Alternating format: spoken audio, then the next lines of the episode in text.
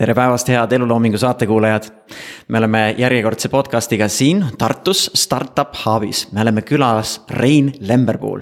Rein on äh, kohaliku Tartu startup kogukonna üks selline võtmeisik, eestvedaja, kes on loonud väga vägevad äh, tingimused selle jaoks, et äh, startup'e saaks palju siia tekkida.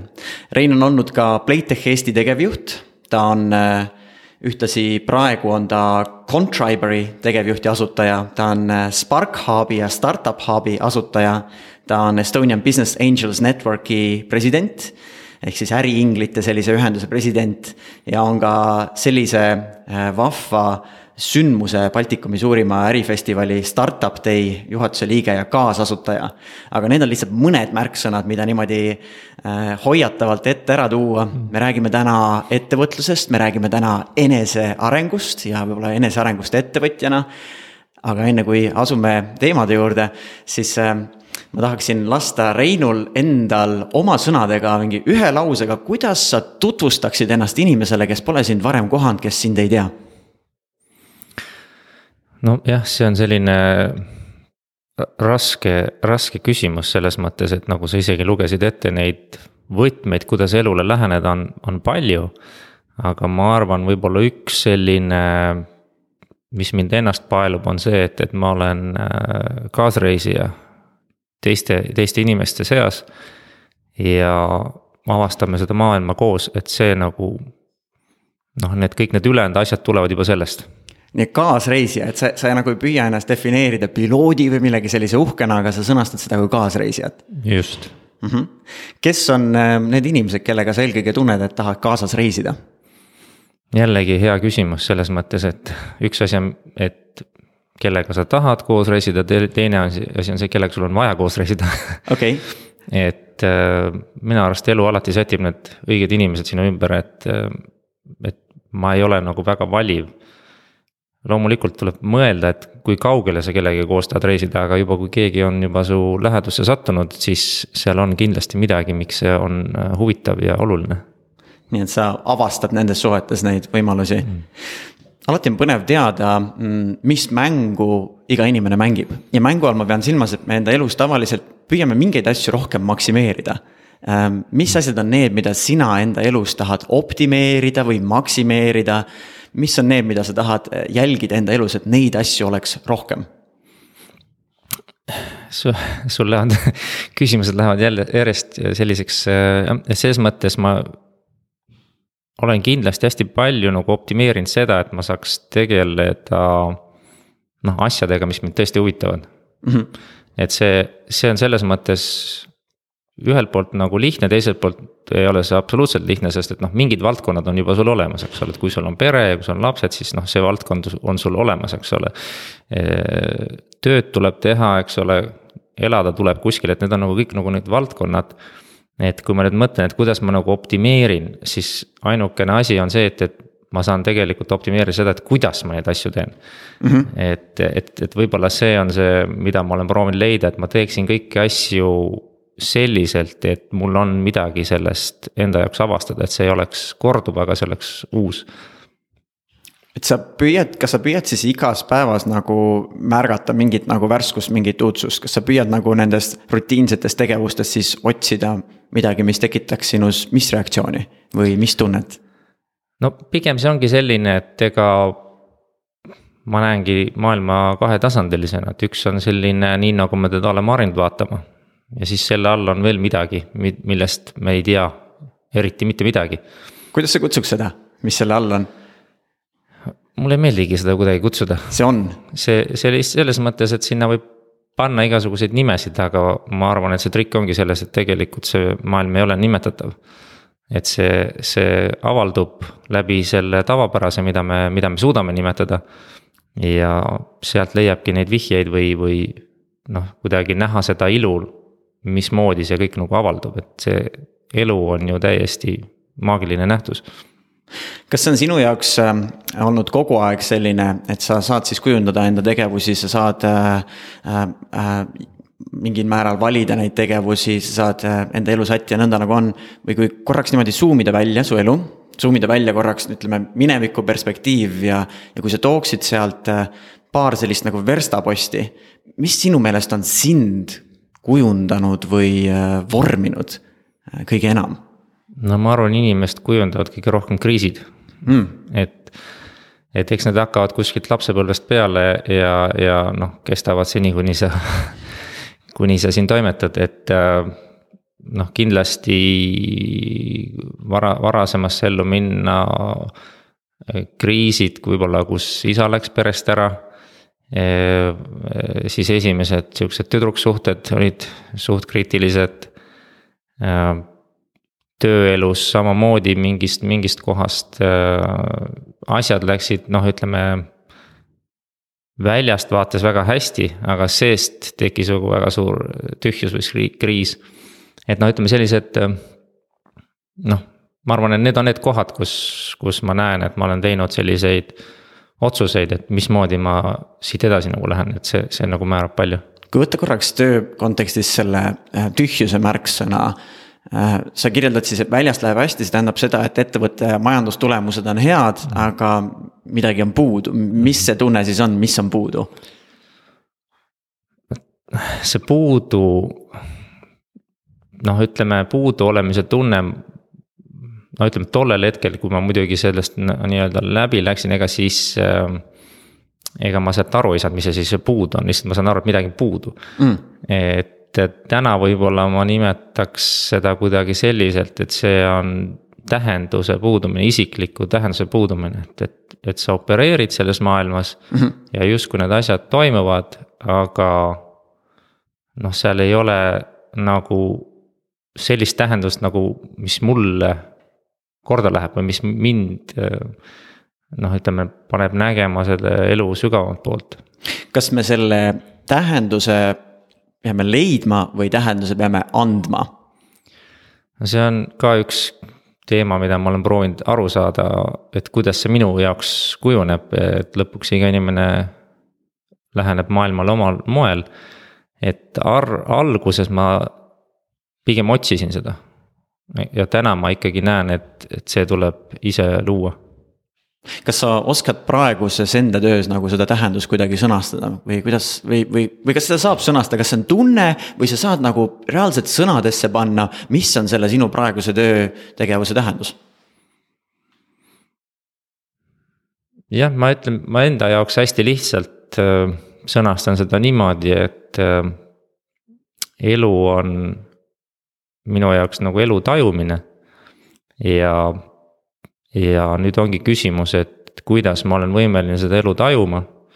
ehk siis see tähendus on see, et leida võimalusi kogeda, tajuda seda elu võimalikult paljude nurkade alt nurkade alt sa siis pead silmas, et sa näeksid nagu kuidagi nagu tervikpilti või, või äh, mis need nurgad juurde annavad?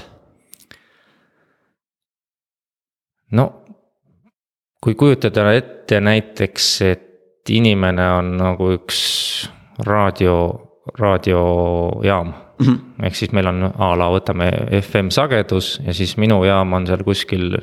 ma ei tea, mis iganes seitsekümmend seitse koma seitse, eks ole mm. -hmm. ja siis ma tajun nagu seda kogu maailma sellest sagedusest, eks ole, et noh, nagu ma kuulen kõike, mis selle sageduse peal on, eks ole, mhm. aga mm -hmm. noh juba see võrdlus ütleb, et kuskil on, on jaam nimega seitsekümmend kaheksa koma viis, eks ole, ja seal on hoopis midagi muud toimub mm. -hmm. ja selleks ma peaksin oma taju nihutama siis selle teise jaama peale. ja mulle nagu tundub, et inimkond üldiselt on ikkagi, kasutab nihukest ühte riba enam-vähem, et, et, et kuskil seal komakohtadega noh, see erineb selleks, et me saaksime üldse suhelda, me peame ju olema noh, häälestunud samale sagedusele, et me saaksime suhelda.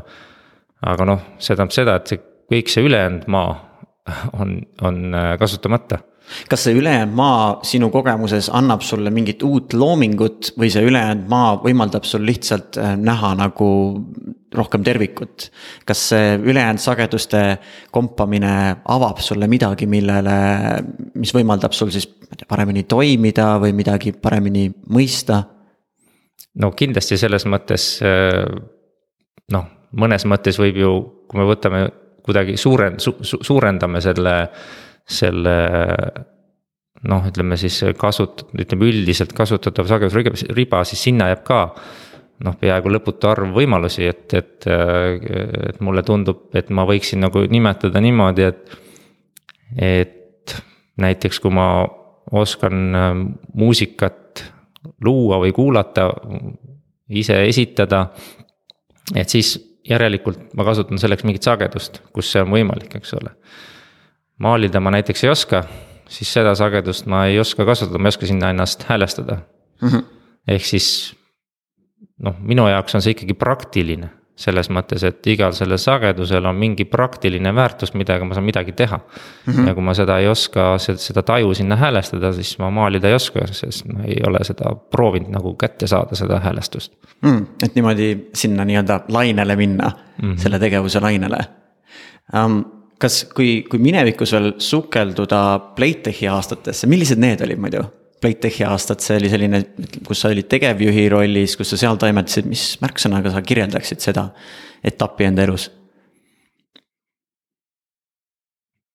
no ma nimetaks seda võib-olla. noh, selline. kui, kui kuidagi on ära defineeritud, et et ütleme, töö või, või, või, või edu või, või selline eneseteostus läbi töö. et, et kui meil on selline mingi ettekujutus inimestena või kuidagi noh, ühiskond loob selle ettekujutuse, et kuidas see välja näeb. et siis ma nägin, et see noh, minu jaoks täpselt nii ongi, et ma olengi suutnud luua selle või nii-öelda läbi teha selle, et, et mis mõttes, mis, mida, mida tähendab olla tööalaselt edukas mm. -hmm. nii et et on mingi ühiskondlik nagu mudel, ühiskondlikud kriteeriumid -hmm. ja selle mängu sa suutsid siis nii-öelda yeah. võita või, või jah, jah, et, et, et, et selles mõttes äh, see on hea tunne ikkagi ja noh, ütleme, seal on. ega seal on ka palju õppimist, et iga mängu jaoks, ükskõik mis mäng see on, et äh, kui sa selle mängu selgeks saad ja seda mängid, et siis see on ikkagi nauditav tegevus mm. -hmm. et see, seega minu jaoks oli see ka hästi, hästi nauditav protsess. et äh, noh ütleme, ikkagi kõik mu need võimed olid noh, nii-öelda piiri peal rakendatud nii nagu ma suutsin, eks ole, nii hästi või halvasti, kui ma suutsin. et, et, et kunagi ei olnud seda momenti, et tegelikult nüüd on igav, et mis ma nüüd homme teen mm. -hmm. et mingi action käis niimoodi. mis on mõni õppetund, mis sa sealt eelkõige enda jaoks oled kaasa võtnud, mis elab mingil moel sinus edasi? no seal on kindlasti palju, aga need enamasti on ikkagi seotud inimestega, et äh, ma arvan, kõige põnevam oli, oli ikkagi multikultuursus, et me ju noh, hästi palju tegime koostööd Iisraeli inimestega. aga, aga ka Filipiinid, Bulgaaria, India ja, ja noh, ütleme, et seal oli nagu neid teisi, teisigi rahvusi, et, et, et siis tekkis nagu alles kuidagi perspektiiv, et mis need eestlased on või kuidas meie neid asju teeme, et. et see, seda oli hästi põnev näha. ja kui sa nüüd ühel päeval siis Playtechist ära tulid ja otsustasid midagi muud tegema hakata, kuidas see, kuidas see üleminekuhetk tekkis, kuidas sa lähed sellest rollist, kus sa oled ühte mängu nagu mingite kriteeriumide järgi võitmas, aga samas kuidagi sisemiselt tunned, et sa tahaks hoopis teist mängu mängida. kuidas need üleminekuhetked on sinu jaoks korraldatud? No siis oligi jälle üks suuremat sorti kriis, et noh, esiteks muidugi see langes kokku ka majanduskriisiga, et nii-öelda mm -hmm. kõik need edasised tegevused, mis ma tegin seal, ma ikkagi suutsin korralikult raha kaotada. okei okay., äh, kuhu sa sukeldusid siis kohe pärast Playtechi, mis valdkondadesse? ma tegin kaheksat asja korraga, et äh, võib-olla üks suuremaid asju oli, mis me plaanisime, oli üks äh, suuremat sorti kinnisvaraarendus Brasiilias mille me õnneks jõudsime pidurit panna, enne kui me sinna sada miljonit oleks tõstnud ja ostnud äh, tuhandeid äh, ruut, ruut, ruutmeetreid kuskil rannikuäärset ala. aga, aga no ühtlasi ma katsetasin igasuguseid väiksemaid projekte, poode Äh, lastehoid, kohvikuid ja mida kõike. kas sa siis genereerisid mingi nimekirja ideid ja hakkasid neid otsas katsetama või kuidas see, kuidas see välja nägi? no see tuli võimalustena, tuli, tuli inimesi, kel, igal inimesel oli üks idee ja mina ütlesin, et aga vaatame, et mul on alati meeldinud elus öelda nagu jah. Mhm. et vaata, mis sellest välja tuleb ja noh, tuli päris palju erinevaid asju välja okei okay., ja see tuli sellest, et sul oli nagu mingi teatud selline kapitalimaht ja siis see tõmbas kohe ideedega inimesi ligi ma ei tea, kas see on nagu noh, eks üks osa on võib-olla see, aga teine osa on ikkagi noh, see isiklik jõud või oskus teha. et, et ma arvan, et see tõmbab tegelikult rohkem inimesi ligi, et, et jah, see, sa ju tajud, et, et noh, selle inimesega koos me suudaks teha midagi. et, et pigem, pigem võib-olla see pool, et noh, üksi on, üksi on ikkagi päris raske toimetada mm. -hmm. et ettevõtluses, et alati on hea, kui sul on selline, selline kaasasutaja, kellesse sa nagu usud, et see aitab noh, läbi minna päris, päris keerulistest ja tundmatutest asjadest. et ma arvan, et pigem see pool võib-olla tõmbas ja ma ise olin ka muidugi nihukene noh, Meri Põlvini stiilis, et, et kõik on noh, mis see siis nagu on, et kõike võib teha. et muidugi selgus, et tegelikult nii ei ole okei okay., kui sa nüüd kerid aega sellest hetkest edasi, kui sul oli seal palju, palju huvilisi, kellega koos teha ja praeguse hetke, kus sa oled nüüd investori rollis. muidu, muidu vahemärkusena, kuidas sina defineerid, kes on ingelinvestor? kuidas sa defineerid? no ütleme, see on isik, kes soovib oma noh, nii-öelda siis kapitali abil, milleks on siis noh, üks asi on see raha. aga ka ütleme siis suhete kapital ja teadmiste kapital abil toetada kellegi teise ettevõtja potentsiaali nagu teostamist mm. -hmm olles nüüd äh, selles Eesti äriinglite ühenduses äh, seda, seda eest vedamas ja olles saanud need kogemused, mis sa siis äh, pärast Playtechi aastaid said. mida sa praegu jälgiksid nendes inimestes, kes oma ideedega sinu juurde tulevad ja ütlevad, et selline äge asi on.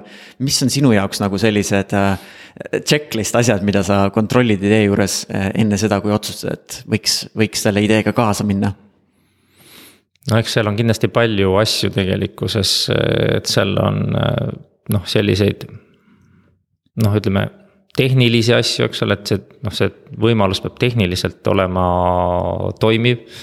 et seal ei saa olla selliseid apsakaid, et oi, mul, ma ei tea, see ettevõte justkui ei kuulugi sulle, eks ole, või sul on väga väike osalus selles või. või, või, või see idee tegelikult on hoopis kellelegi noh teisele, teise poolt arendatud, ei olegi sinu ettevõttes kogu need intellektuaalse omandi õigus, no ütleme siuksed tehnilised mm -hmm. asjad, eks ole, et. E, e, et mis nagu väga kiiresti lihtsalt ei võimalda selle tehinguga edasi minna. aga ütleme, kui me see tehnilise poole kõrvale jätame, siis kindlasti huvitavam ja keerulisem on, on, on see nii-öelda sisuline pool, mille saab ju ka laias laastus jagada kaheks, et üks on see idee ise ja siis teine on loomulikult need inimesed, kes seda ideed e, teostavad. ütleme selle idee juures, idee poolt on ka jällegi mingis mõttes lihtsam vaadata, aga.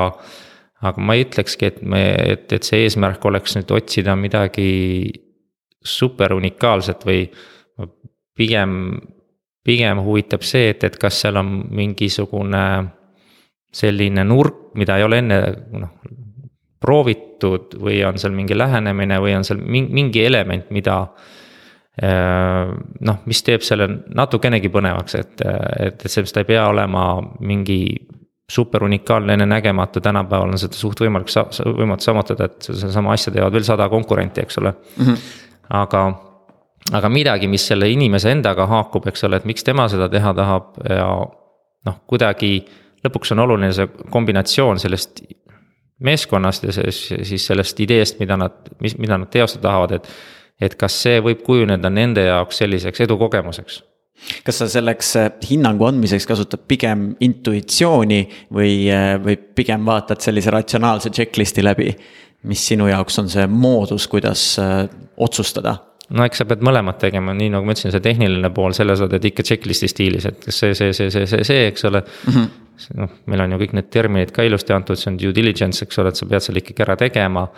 Eh, aga noh, ütleme kõik see teine pool on, ei, ei ole nagu inimest sa ikkagi checklist'i alusel niimoodi päris ei, ei saa hinnata, et, et seda mm. sa pead ikkagi intuitsiooni abil, abil tegema. kas sa suudad seda teha mingi lühikese mõneminutise pitch'i käigus äh, ja see inimene on laval, ta kõneleb, kas sa suudad nagu kuidagi nii-öelda nende sagedusteni küündida, mis, mis muidu võib-olla tavapäraselt seal näha ei ole, kuidas see sinu jaoks toimib?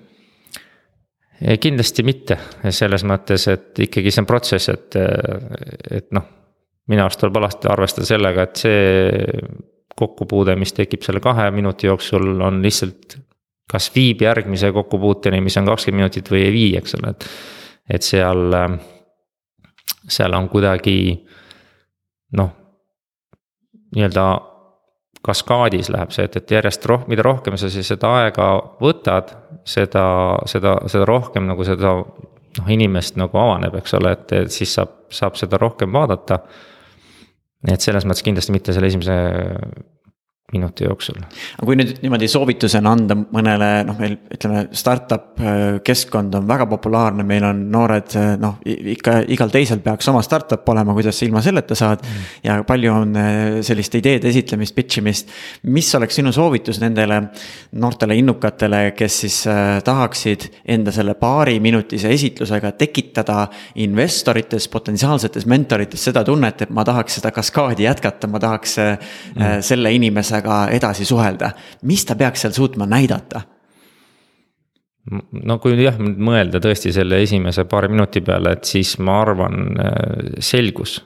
et, et, et, et sul on selgus, et sul on mingisugune võime seda asja selgelt esitada mm. -hmm. et sa saad nagu anda põhi noh, arusaamise edasi, et noh, sellest tuleb aru saada, et et mina investorina tõenäoliselt sellest valdkonnast tegelikult ikkagi midagi ei tea, et aga samas peab mul tekkima tunne et ma sain aru, mis seal need probleemid on või mis see põhiprobleem on, mida mm -hmm. sa tahad seal nagu lahendada ja ma saan aru, kuidas sa tahad seda lahendada, aga noh, seda ülilühikeselt, eks ole, et see tähendab seda, et et see, kellel see õnnestub, noh, seal on nagu kaks asja, üks, üks asi on see, et tal peab endal see selge olema mm. -hmm. ja teine asi on muidugi lihtsalt sedasama võime seda kommunikatsiooni edastada, et, et, et noh, et väga raske on aru saada, kas, kas see selgus ei tulnud, ei jõudnud minuni sellepärast, et tal ei ole oskust seda asja esitada, aga ta saab ise väga hästi aru.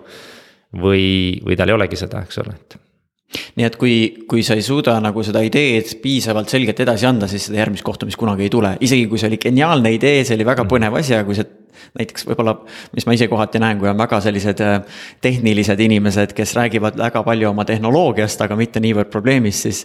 siis tihti nad ajavad selle võib-olla väga keeruliseks ja lõpuks kaob see probleem sinna kuskile niimoodi ära. Ähm, kas, kas sul on mõnda omapoolset soovitust, kuidas äh, need, äh, kes siis enda ideed esitama lähevad, kuidas nad seda selgust võiks luua, harjutada või vormida?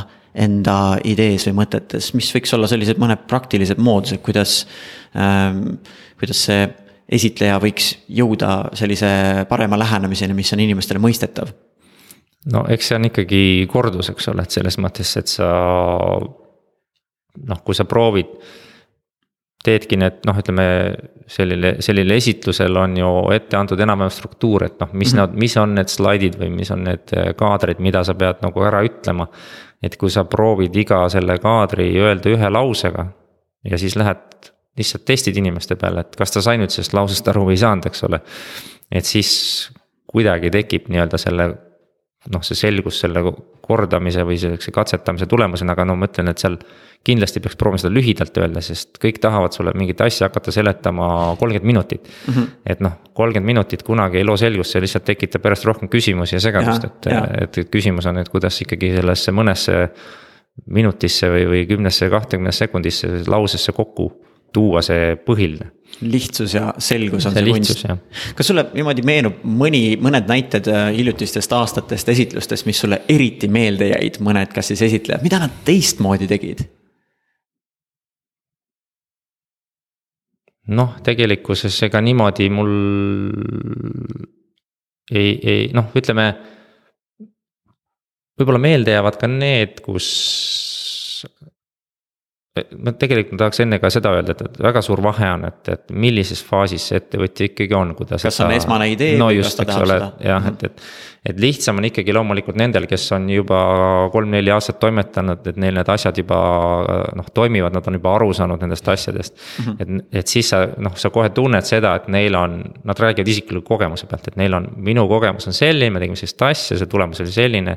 et seal see, see enesekindlus või nii-öelda reaalsusega kontaktis olek on nagu kohe tuntav et, et see, selles mõttes neid selliseid pitch'e on nagu parem kuulata ja sul tekib endal ka nagu see üks turvatunne, et noh, versus keegi, kes alles mõtleb, et mingi turul on selline probleem ja mul on selline lahendus, võib-olla see töötab kunagi, eks ole, et noh.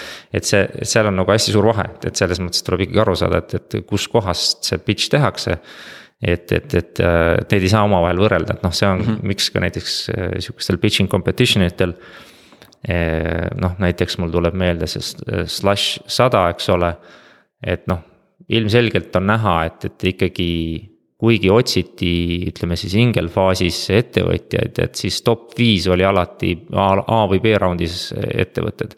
et noh, tegelikkuses noh, kaugemale arenenud idee alati võidab sihukesel esitlusel vähem varasemas faasis oleva idee mm. -hmm. nii et see küpsus varasema faasi oma saab ainult muljet avaldada mingite trikkidega nii-öelda, aga võitjad siiski enamasti lähevad need, kes saavad äh, mu kriteeriumid täidetud ja. no kes näitavad tulemust näitavad tulemust, et, et on midagi nagu ära tehtud. ja, ja, ja algaja puhul vähemalt see, et ta on käinud siis klientidega rääkimas või midagi sellist, eks ole jah, ütleme, et alguses sa ikkagi müüd seda visiooni või seda potentsiaali, et, et, et, et noh võib-olla seal on olulisem kuidagi aru saada, mis on sinu isiklik eelis selles valdkonnas, no noh, paremat tulemust teha. et mida sina oskad, kas sul on mingi seos selle valdkonnaga, kas sul on mingisugune lähenemine, kas sa oled lihtsalt hea nihuke execute'i, et ma. võtad järjest, teed neid asju, et sa ei jää nagu kinni kuskile. et noh, et, et see alguses ikka see potentsiaal on noh, suurem kui see, kui see reaalselt tehtud asi, et, et kuidas sa sellest nagu aru saad sa oled pannud üsna palju oma enda kapitali selle heaks, et äh, Tartus oleks selline äh, keskkond, kus siis startup'id saavad toimetada nii. Ähm, järelikult sa usud sellesse, et äh, selles on potentsiaali, selles on tulevikku, on see nõnda? no see on kindlasti nii, et, et, et kui me mõtleme sellele iduettevõtlusele või startup indusele kui nähtusele, et, et siis ilmselgelt ma tajun, et siin noh, me loome mingit uut ettevõtlusvormi, eks ole, et võib-olla kahekümne aasta pärast me ei nimeta neid enam startup ideks, aga mm, -hmm. aga et see on nagu erineb sellest võib-olla traditsionaalsest noh, mis on seni tehtud ettevõtlusest, noh, sest lõpuks noh, tegelikult ega me Playtechi ajal Playtechi ei nimetanud startup'iks. kuigi see tegelikult on enam-vähem tehtud tänapäevaste ütleme siis sihukese kriteeriumi mudeli järgi, kuidas sihukest kiirelt kasvavat tehnoloogia baasil ettevõtet võiks ehitada. et, et, et noh, et, et midagi uut on siin äh, kindlasti loomisel, et selles mõttes minu arust on oluline nagu toetada seda uut, et see uus avab meile ühiskonnas ju ka palju erinevaid võimalusi ja noh, ütleme üks asi, mida minu arust, mida startup'id teevad nii-öelda oma klientide võtmest, on see, et nad muudavad asju kättesaadavaks. et vana, vanasti asjad, mis ei olnud kättesaadavad, muutuvad neile nii-öelda taskukohaseks, ehk see finantsiline, kuna, kuna see kogu see ülesehitus on mõeldud noh, nii-öelda skaleeruvas võtmes ehk, ehk massi võtmes, siis see tähendab ju seda, et, et igalt üksikult kliendilt sa küsid vähem raha mm. -hmm. Et sul tekib selline mastaabiefekt tänu tehnoloogiale, tänu mm -hmm. tarkvarale. milline on su nägemus muidu Tartu sellisele startup kogukonnale, kuhu see asi võiks siis kahekümne aasta pärast välja jõuda? jah, et eks iga linn on, on nii-öelda kui me tuleme tagasi sellise sageduse näite juurde, et noh, et nagu kuskil oma sageduse peal, et siin resoneeruvad teatud asjad rohkem kui võib-olla mingisuguses teises äh, linnas. et, ähm, et ma kindlasti näen, et Tartus on hea asi see, et Tartu otsib seda oma spetsiifilist unikaalset sagedust. et tegelikult tänagi tänagi toimub järgmine startup kogukonna kokkutulek, eks ole, kus meil nüüd mm, veebruarist alates on äh, selline kogukonna juht, noh, nii-öelda noh, ametina loodud, seal on inimene, Ermo, Ermo Tikk, kes seda asja nüüd eest veab. Äh, et, et selle, et selle potentsiaal, et me suudame noh, üles leida need unikaalsed aspektid, mida iga kogukonna osaline endaga kaasa toob või, või, või nii-öelda endast välja saab äh, lasta.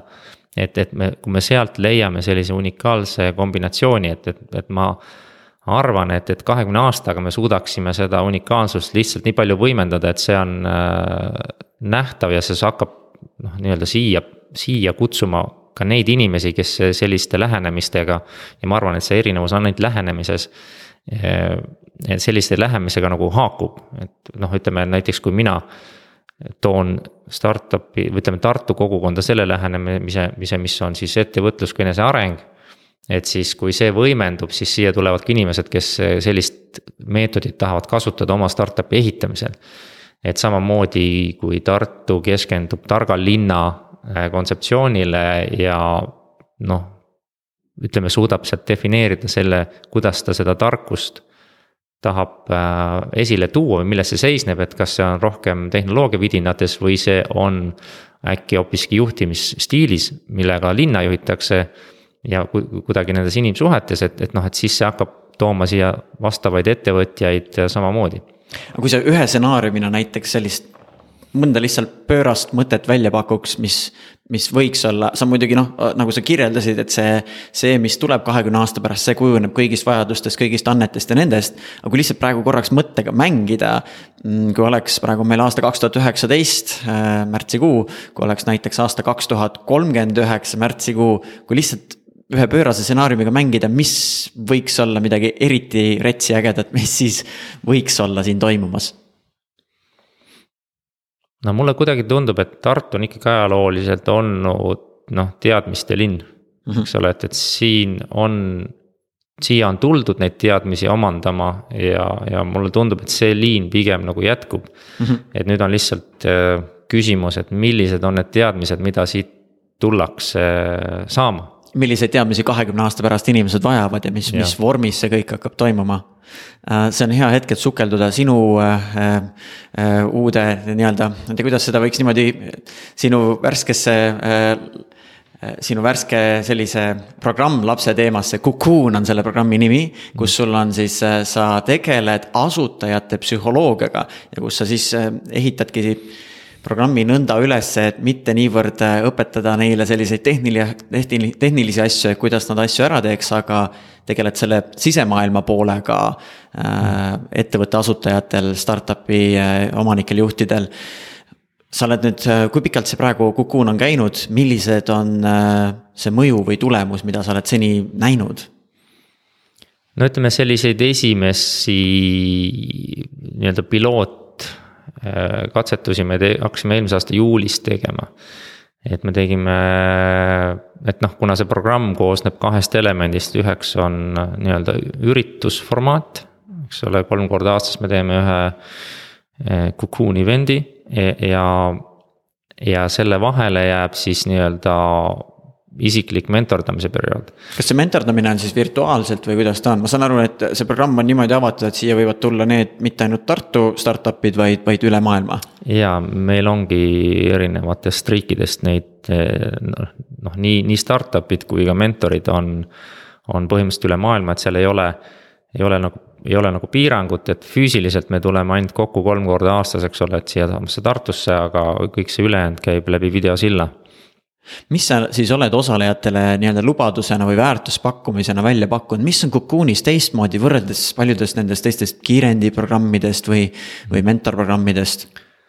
no hästi lihtsalt öeldes on see, et me näitame seost noh, sinu äriprobleemi ja sinu isikliku noh, nii-öelda probleemi vahel, et, et kui sul on mingites aspektides, see võib olla ükskõik mis, eks ole, et sul võib olla seal äh, ei õnnestu.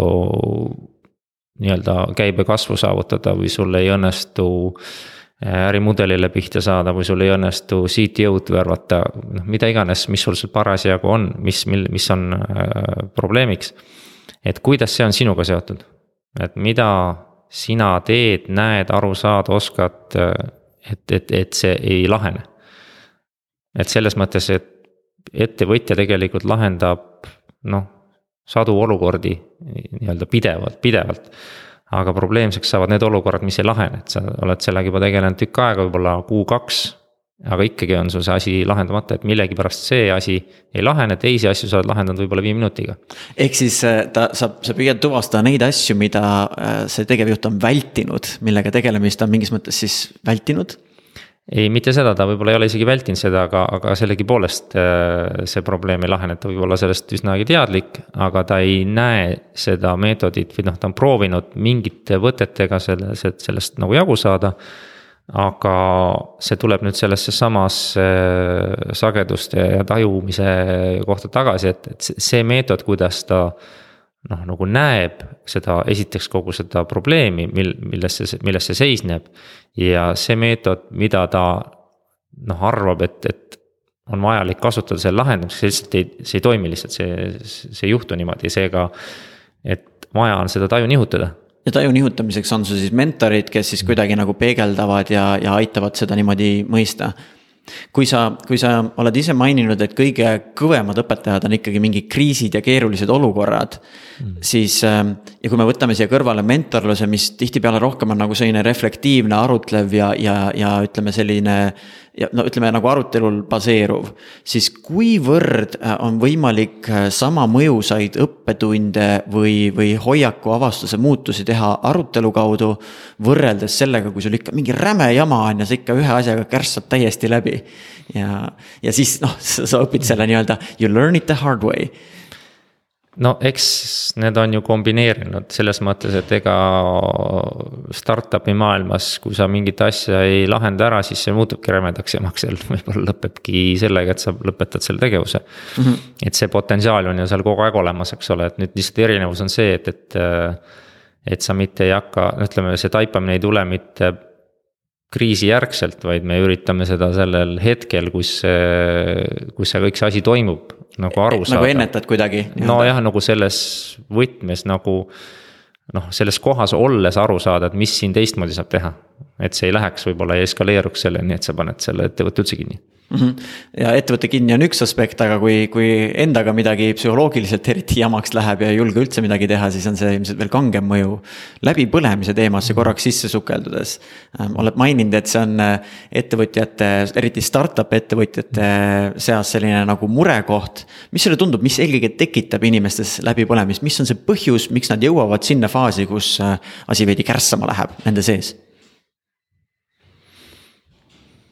No eks see väljend ise ütleb ka, et, et, et sul on mingisugused ressursid. ja kui sa need ressursid oled kõik ära kaot-, kasutanud, aga see olukord ei ole lahenenud.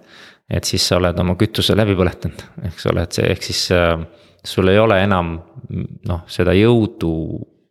noh, selle sama teemaga samas võtmes tegeleda mm. -hmm. nii et sa oled liiga palju katsetanud mingeid asju, mis ei toimi sa ei ole suutnud seda probleemi ära lahendada ja samas sellega sa oled jah, oma siis noh, need nii-öelda energiavarud nagu ära kasutanud, et see on siis see koht, kus läbipõlemine tekib. no põhimõtteliselt sul kaob usk ära, et sa suudad seda lahendada et ilma usuta sa, ilma usuta ei suuda inimene mitte midagi teha, et, et. kas seda usku on nagu võimalik niimoodi doseerida mõne vestlusega juurde äh,? mentorvestlusega või nõnda, või see usk on ikkagi, vajab nagu mingit radikaalsemat ja teistmoodi lähenemist, et taastada see usk? Noh, selles mõttes, et ega rääkimine noh, kui mõtleme jah, et siit inimeste suust tulevad sõnad välja või, või mingid mõtted, et, et noh, et, et, et noh, see võib ka väga radikaalne olla, et selles mõttes see ei ole. noh, et ah, mis te sellest räägite, et sellest nagu midagi kasu ei ole, et äh, tegelikult ikkagi, mida sa selle rääkimisega saavutada tahad, on ju see, et, et taju muutub kui, kui mõelda nüüd mõningatele sellistele vestlustele, mis päriselt seda taju muudavad, mis võiks nagu mõned märksõnad olla, mille puhul sa võid öelda, vot need on need vestlused. kus hakkab midagi nagu muutuma, need on need vestlused, kus me jõuame nagu lihtsalt sõnade vahetamise tasandist mingile nagu võimsamale tasandile. mis on omane nendele vestlustele? no ühendus on hästi oluline. et ütleme, et kui me räägime millestki ja me ei ole ühendunud oma noh, kuidas öelda võime kuidagi piltlikult öelda, et me peame oma tajud ühendama mm. -hmm. ja kui need on ühendunud ja mõlemal poolel on huvi näha, kuhu see välja saab viia. et siis saab hakata noh, emb-kumb siis nagu seda taju mingis suunas sikutama mm. -hmm. ja siis see saab nihkuda nii et esiteks on siis esmane element on siis nagu see kontakt sisuliselt, selle ühenduse loomine mm. -hmm. mis sa veel välja tooksid, mis on nende võimsate vestluste omadused või mille järgi sa tunned ära? no minu jaoks on hästi, noh, ütleme ikkagi see ühenduse hetk on hästi oluline selles mõttes, et selleks on vaja. noh, ühenduda ei saa fassaadiga mm. -hmm. et noh, et meil kõigil on, noh, ütleme loomu, loomu ütleme nii, nagu see ühiskond on üles ehitatud, nii nagu me toimime, et meil on alati terve rida igasuguseid fassaade ja maske ja, ja tegusid ja nägusid. et, et ütleme, sihukese tehisliku asjaga ei ole võimalik tegelikult ühendust saada, et, et ehk siis esimene küsimus on see, et, et kuidas me need üldse eest ära saame võtta. et kuidas ma kuidas mina suudan olla noh, nii ehe kui, kui võimalik selles hetkes. Et, et, et sealt tekib see tunne, et, et nüüd me oleme kuskilt sügavamalt omavahel ühenduses, kui, kui, kui lihtsalt mingisugustest rollidest või, või asjadest lähtuvalt. kas see fassaad tekib hirmu tõttu, kas see fassaadi me sätime endale ette, sest me kardame, et äkki see ehe osa on natuke lahjem või äkki see ehe osa ei ole nii, nii vahva või nii võimas või nii julge. ja siis me tekitame selle fassaadi ja, ja siis see fassaad tegelikult jääb kõiki neid vestlusi piirama. kas selle taga enamasti, selle fassaadi tekkepõhjuse taga on hirm enda mingite puudujääkide suhtes? ma arvan küll, et seda võib nii, niisama lihtsalt öeldagi ja ka siis see hea mentorlusvestlus on see, kus sa suudad aru saada, et sa ei pea selle teise inimese jaoks mingit äh, rolli mängima, sa ei pea mingit show'd üles sättima. et äh, sa võid olla täpselt nii äh,, nii põrunud ja nii, või selles mõttes, et noh, nii läbi, läbi põrunud või nii nagu äh, ebaõnnestunud oma asjades ja nii aus, kui sa vähegi oled, et sa ei pea nagu püüdma olla midagi, mida sa sisemuses kardad, et sa tegelikult ei ole no eks siin tuleb ka kõigepealt aru saada sellest, et olenevalt, kus inimene enda, enda tajumisega on, et, et ega. ega me tihti ei tea isegi, et meil on need fassaadid mm, -hmm. ehk seega, kui noh, sa ütled mulle, et võta nüüd see ära, siis ma, mille ma nüüd, mis asjast, millest sa räägid üldse, mis ma siit nüüd ära pean võtma, et mul, mul on, ma nii ma olengi mul ongi kõik ära võetud. et selles mõttes see on omaette teekond üldse neid näha ja aru saada, miks need sul seal on ja mismoodi need on nagu tekkinud ja noh, võib-olla alles siis saab rääkida sellest, et, et äh, midagi sealt äh, kasutuselt ära võtta. E, et, et see ei olegi niisama elementaarne, et see, see, see protsess on juba ise äh, noh, ütleme mis nüüd muidugi ei tähenda, et, et ühendust ei annaks saavutada, kui, kui need ei ole ära võetud selles mm mõttes, et tegelikult noh, teatud asi tuleb alati läbi. ja ehk siis me võime rääkida ühtedest asjadest, aga kui mingi asi vajutab minu mingit päästikut. ma võib-olla seda välja ei näita, aga mu sees ma pärast meie kohtumist näiteks mõtlen mingi asja üle. et või mingi asja üle edasi, et see on siis see variant, me võisime nagu fassaadidega suhelda. aga tegelikult fassaadi kau-, tagant jõudis ikkagi info selle, selle põhiolemuseni kas sa ise muidu teed midagi teadlikult ka selleks, et äh, nendes vestlustes, mis sul on, äh, jõuda, jõuda nagu fassaadidest kaugemale inimestega? või sa pigem vaatad, kellel parasjagu on mask ees, siis sa lihtsalt äh, ei tee seda vestlust väga. või, või teed sa ise midagi teadlikult, et neid fassaade nii-öelda lasta neil eest ära minna no ma arvan, et eks, eks siin peaks nagu üldse mõtlema, et mis, mis see minu vastutus üldse midagi sellist teha on või miks mm -hmm. ma üldse peaks tahtma kedagi kuidagi mõjutada, et. et pigem võib-olla hea mentor või coach ei, ei tunnegi vajadust. noh, ütleme, et sa midagi hakkaksid nüüd muutma või kuidagi, et sa millestki hakkaksid nüüd aru saama.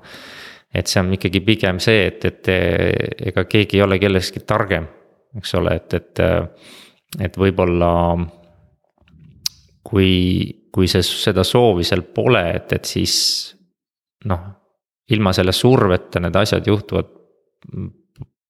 noh, võivad juhtuda mm -hmm. palju loomulikumalt ja, ja noh, kes on siis see mentor, et tema nüüd peab teadma, et noh, et aa, nüüd on sul fassaad ja see tuleks nagu nüüd ära siit võtta ja siia tuleks midagi muud asem-, noh, mis asja, et noh, see on mingi. see on noh, ütleme, see on nagu see töö, mis mentor endaga peab tegema, et ta ise ei, ei kipuks äh, noh, nagu maailma parandama mm. -hmm. et, et meil on kõigil oma tee, igaüks on oma noh, nii-öelda tee looja ja, ja tal on õigus ja võime teha seda täpselt nii, nagu tema seda teha tahab. ning need, kes Cocoon'i programmi tulevad, nemad põhimõtteliselt on andnud lubaduse, et nad soovivad äh soovivad äh, selles protsessis kogeda selle fassaadi eemaldamist ja seal siis need mentorid äh, äh, teevadki siis võib-olla ka sellist tööd, kus nad seda raputavad, aga kui inimene nii-öelda tänaval kohtub sinuga, siis eesmärk ei pea olema, et ma nüüd aitan tal tema fassaadist lahti saada, vaid jah, no eks see fassaad on üks asi, eks ole, eks seal on nagu palju teisi elemente ka, et ähm, ja tuleb ka aru saada, et. et ega siis Cocoon ei ole ka ainult minu nägu või ütleme sellest vaatekohast, kust mina täna räägin seda, meil on ju seal viisteist mentorit üle maailma ja ma olen otsinud neid nagu selle põhimõttega. et nad on tõesti erinevad üksteisest, et nad äh, ei jaga seisukohti, et võib-olla mõni räägib fassaadist, teine ütleb, et see pole üldse oluline mm. -hmm. et temal on hoopis mingi muu asi, mis tema teeb, et, et, et noh, me ei, me ei, ei täpselt ei tea, mida, mida noh, üks inimene sellel hetkel parasjagu vajab või kes on see teine teine nii-öelda kaasreisija, kes noh, saab inspireerida nagu midagi, midagi juhtuma, midagi muutuma. kui me mõtleme korraks sellise mentorlusprotsessi peale ja paneme ennast ise mentori rolli. mille järgi me ise mentorina võiksime aru saada, kas see, mida ma praegu teen mentiiga või selles vestluses. kas see on, kas see on hea lähenemine või mitte, kas see päriselt aitab mentiid või mitte. et kui seal on võib-olla kohati sellist eksperimentaalsust, siis mille järgi üks hea mentor tunnetab ja tajub ära, et ma olen praegu siin selles protsessis õigel suunal. ja mille järgi ta tunnetab, et, et võib-olla, võib-olla see, see lähenemine tegelikult ei ole hea variant antud inimese puhul, kas on mingit, mingit sellist tajuelementi eks see on väga selline individuaalne, et noh, et noh, kuna iga. iga, iga inimene, kellega sa noh, sellise suhte lood. on, on erinev, ütleme see, see kombinatsioon, mis sealt tekib, on ju hästi, hästi hästi erinev, et, et ja tegelikkuses me keegi ju ei oma noh. sada protsenti teadlikkust kõigest, mis meie ümber nagu toimub. ehk seega ma arvan, et ega seal lõpuni võimet näha ei ole, et kuhu see viib ja kas see on nüüd õige asi, et. et seal võib olla kohti, kus ma pärast mõtlen, et, et võib-olla see teema ei, ei olnud praegu üldse vajalik käsitleda. aga mingi kahe kuu pärast tuleb seesama mentee selle teema juurde tagasi, ütleb, et kuule, et noh, midagi hakkas muutuma, eks ole, midagi ma hakkasin, ma hakkasin millestki muud, teistmoodi nägema, eks ole. ja see võib-olla hoopis tuli mingitest lausetest, mille ma ise ei näinud üldse mingit suuremat noh, võimet midagi edasi anda. et selles mõttes sa ei saa neid asju noh, kontrollida või ma arvan, et see ongi jällegi seesama asi, et tegelikult sellest kontrollist on vaja, vaja loobuda. et see suhe peab saama ise nii-öelda leida need noh, need kohad või, või meetodid või lähenemised, et mis, mis on nagu parasjagu vaja. ma ei pea muretsema selle üle, et kas ma nüüd suudan siin midagi teha või leida või kas see on nüüd õige või see on nüüd vale. et, et noh, et see pigem usaldada nii seda protsessi kui elu meie ümber, kui ka meie enda nii-öelda seda sisemist poolt, mis leiab selle, mis on vaja leida kuidas sa muidu määratleksid, mis on muidu, kui me mõtleme ettevõtjale, startup ettevõtjale ja me tahame toetada tema enesearengut, mis on eeldused mille üks ettevõtja võiks endas mingil moel täita või luua, et eneseareng saaks kujuneda ja tekkida, mis on mingid eeldused, mida ettevõtja ise saab enda enesearenguks äh, luua? no ma arvan, et seal on üks lihtne eeldus ja see on see, et äh, sul peab mingil kujul, mingil tasandil olema usk sellesse, et, et kui ma ennast muudan, siis see tegelikult mõjutab seda ettevõtet. sest mm -hmm. et äh, mitte iga inimene ei arva seda et mõni, osad ju ikkagi lähtuvad sellest, et noh, täna mul müügitulemused ei ole head, eks ole, ma peaks müügitiimiga tegelema, peaksin palkama võib-olla parema müügijuhi, eks ole. et siis see ettevõtte müügitulemust muutub paremaks, eks ole, ehk noh, seal on seos ainult sellega, mis konkreetselt selles ettevõttes on, et, et noh, kes need inimesed mis seal tehakse, eks ole et, et praegu mul on kõige rohkem vaja, et ma saaksin selle järgmise ringi raha, eks ole, et noh, see on nagu kõige olulisem, mis mõjutab. et, et, et noh, et, et näha seda seost, et tegelikkuses äh, see juht ise mõjutab ka väga palju, võib-olla isegi kõige rohkem. ja seda reaalselt ka nagu uskuda, et ega tegelikult inimesed ei usu, et, et, et nende noh, ütleme mingisugused investorläbirääkimised või, või, või ütleme, tehniline lahendus, milleni nad on jõudnud, et, et, et, et see sõltub sellest, kuidas nemad nagu seda maailma näevad mm.. aga kas seal on see teine äärmus ka, et näiteks kui ma ettevõtjana mõtlen, et kõik on nüüd nagu minust sõltuvuses, et kui see probleem tekib, et asi on minus. kas seal võib see teine äärmus tekkida, et ma nagu tunnen, et ma pean kõike kontrollima või, või mitte nagu kontrollima, aga. ma tunnen nagu vastutust kõikide teiste põrumiste ja äpardumiste eest ka.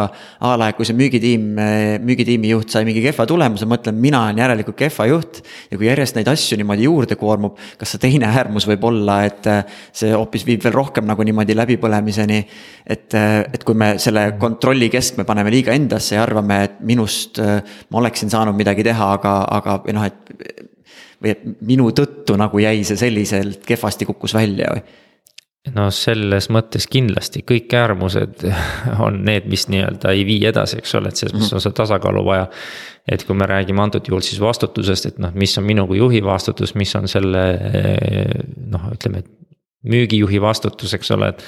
et igas suhtes see vastutus tuleb ikkagi noh, mõlemal osapoolel on oma vastutus, et selles mõttes, et et nii kui mina ütlen, et noh, annan liiga palju ära seda või võtan liiga palju endale, et noh, mõlemal juhul ma olen tasakaalust välja ja see asi ei lõpe hästi räägime natukene mõningatest huvitavatest praktikatest, mille kaudu enda taju muuta, mille kaudu võiks võib-olla, mida, mida katsetada, mille kaudu võib-olla avardada eh, sellist eneseteadlikkust. mis on sinu jaoks olnud sinu teekonnal mõned sellised kõige mõjusamad praktikad, mille kogemine on aidanud sul jõuda mingile paremale selgusele endas või, või mingile paremale arusaamisele? mis on sinu jaoks olnud sellised äh, äh, head eksperimendid või moodused? no eks need kõik need eksperimendid on ikkagi kuidagi seotud noh, teiste inimestega mm. -hmm.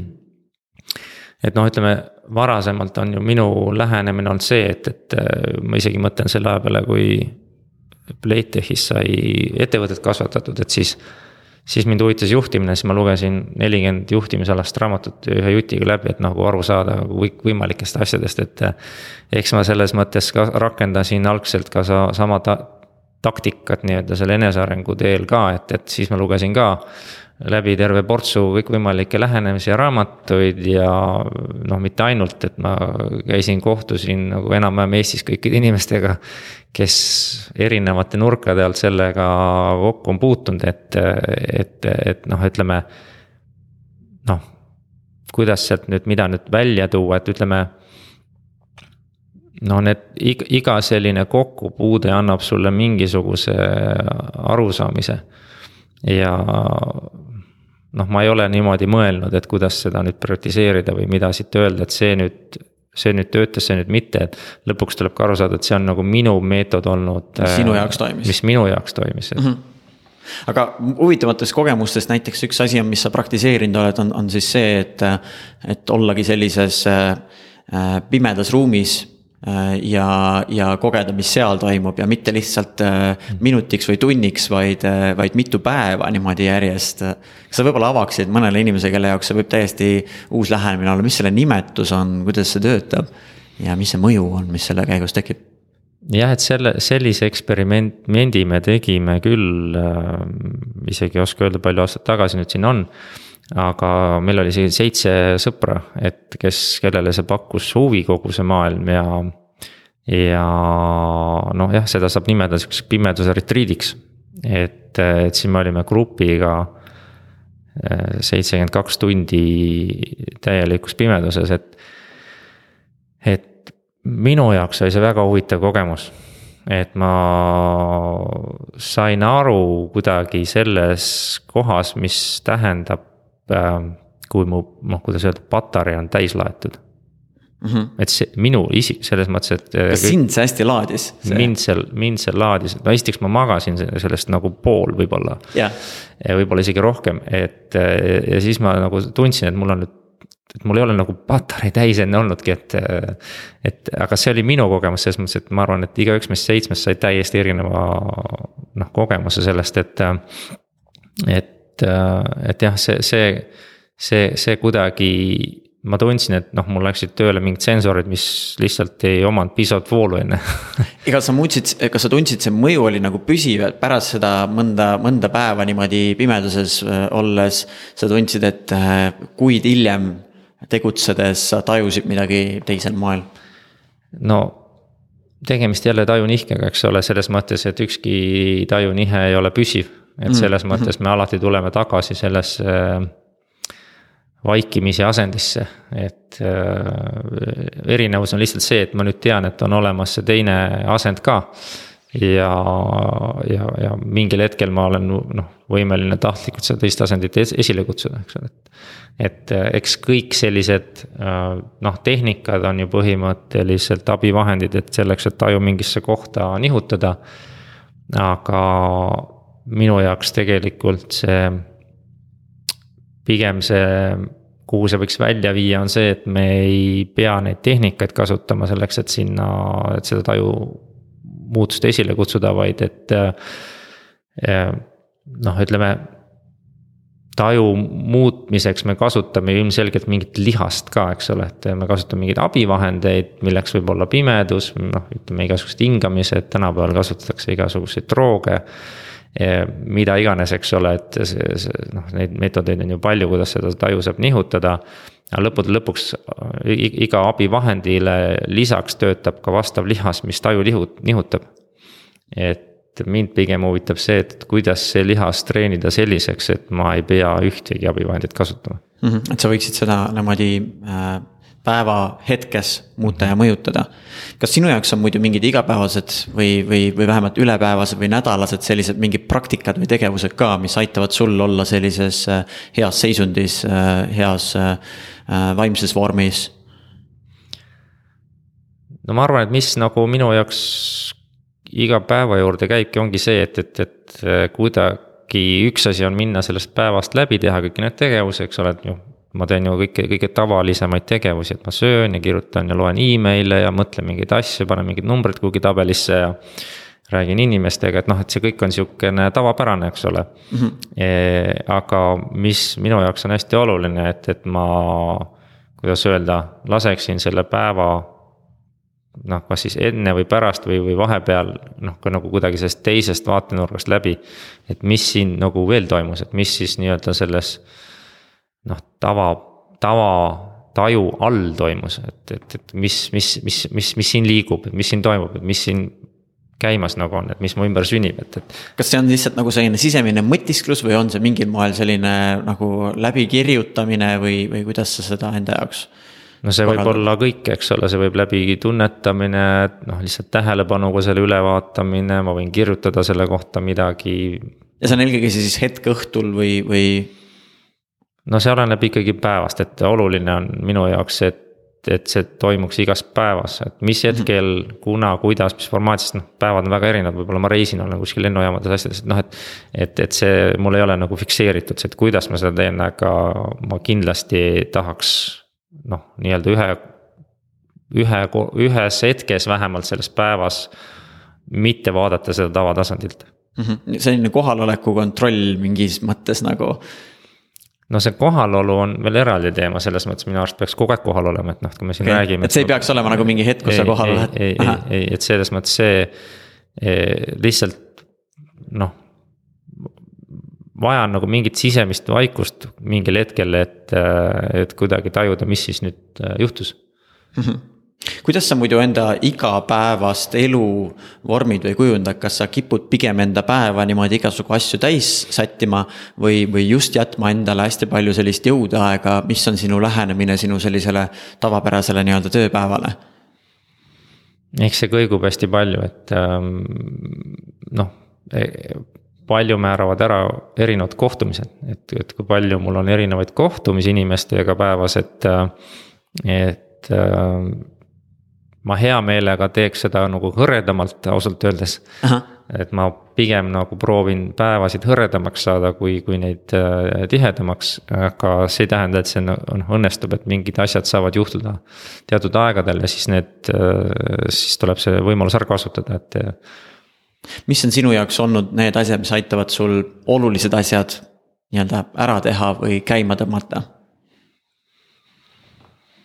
Ma kasutan hästi lihtsat tehnikat, ma lihtsalt äh, noh, iga päev ma proovin meeles hoida kolm praktilist asja, mis on vaja ära teha selleks, et minu jaoks oluline asi edasi liiguks.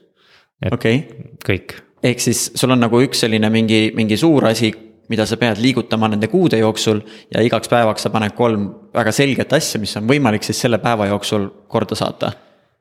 Jah, no vahest ma muidugi teen ainult ühe nendest kolmest, aga noh, oluline on midagi teha, et noh, et, et kas ma pean ikkagi kellegiga ühendust võtma, see võib olla lihtsalt ka email, eks ole, tegelikult ega need tegevused ei ole kunagi mingid äh, müstilised asjad, eks ole, et ma pean mingi välja võtma, midagi välja võtma, midagi otsustama. kellelegi midagi saatma, kuskil rääkima et äh, aga ma pean teadma, mis asi see on, ütleme, ma näiteks, kui ma tahan seda kukuuni edasi saada järgmisse faasi, eks ole, siis ma pean teadma, et, et mul on seal üks mentor Austraalias, eks ole, kellega mul on vaja kindlasti enne rääkida, eks ole. et siis ma pean selle kuhugi panema või, või mul on mingi kuskil lepingu muudatus vaja teha, et no ma pean selle läbi mõtlema, et.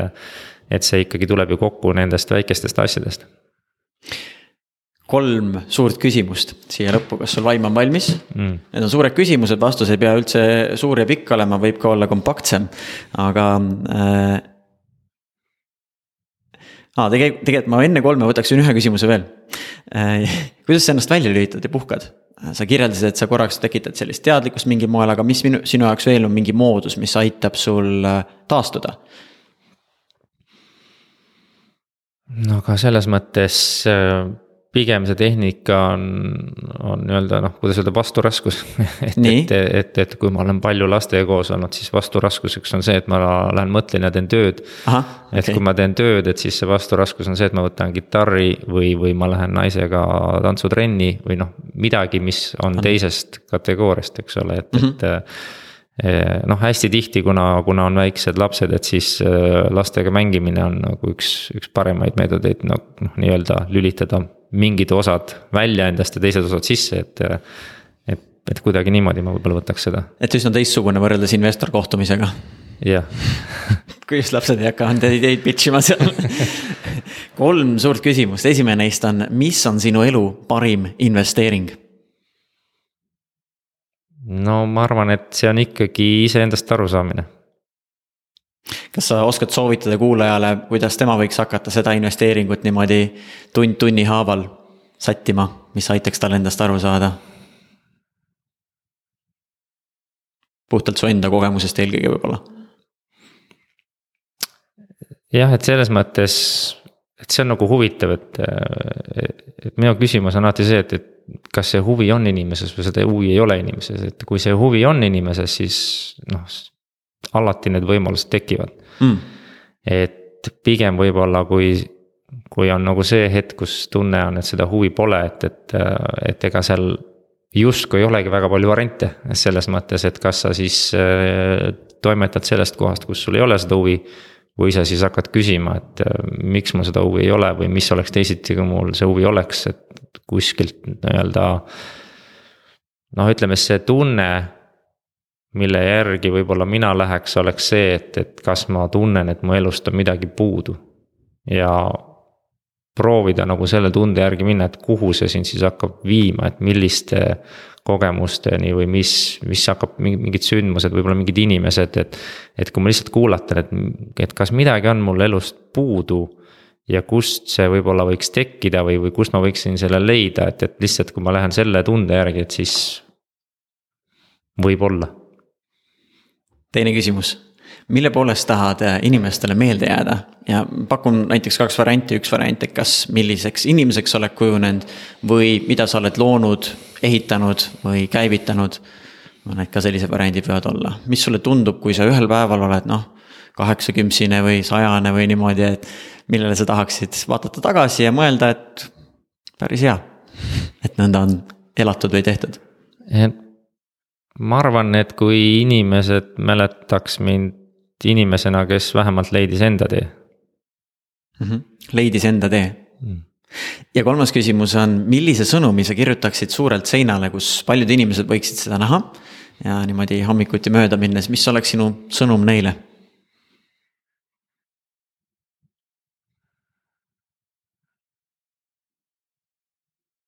ma ei tea, tere hommikust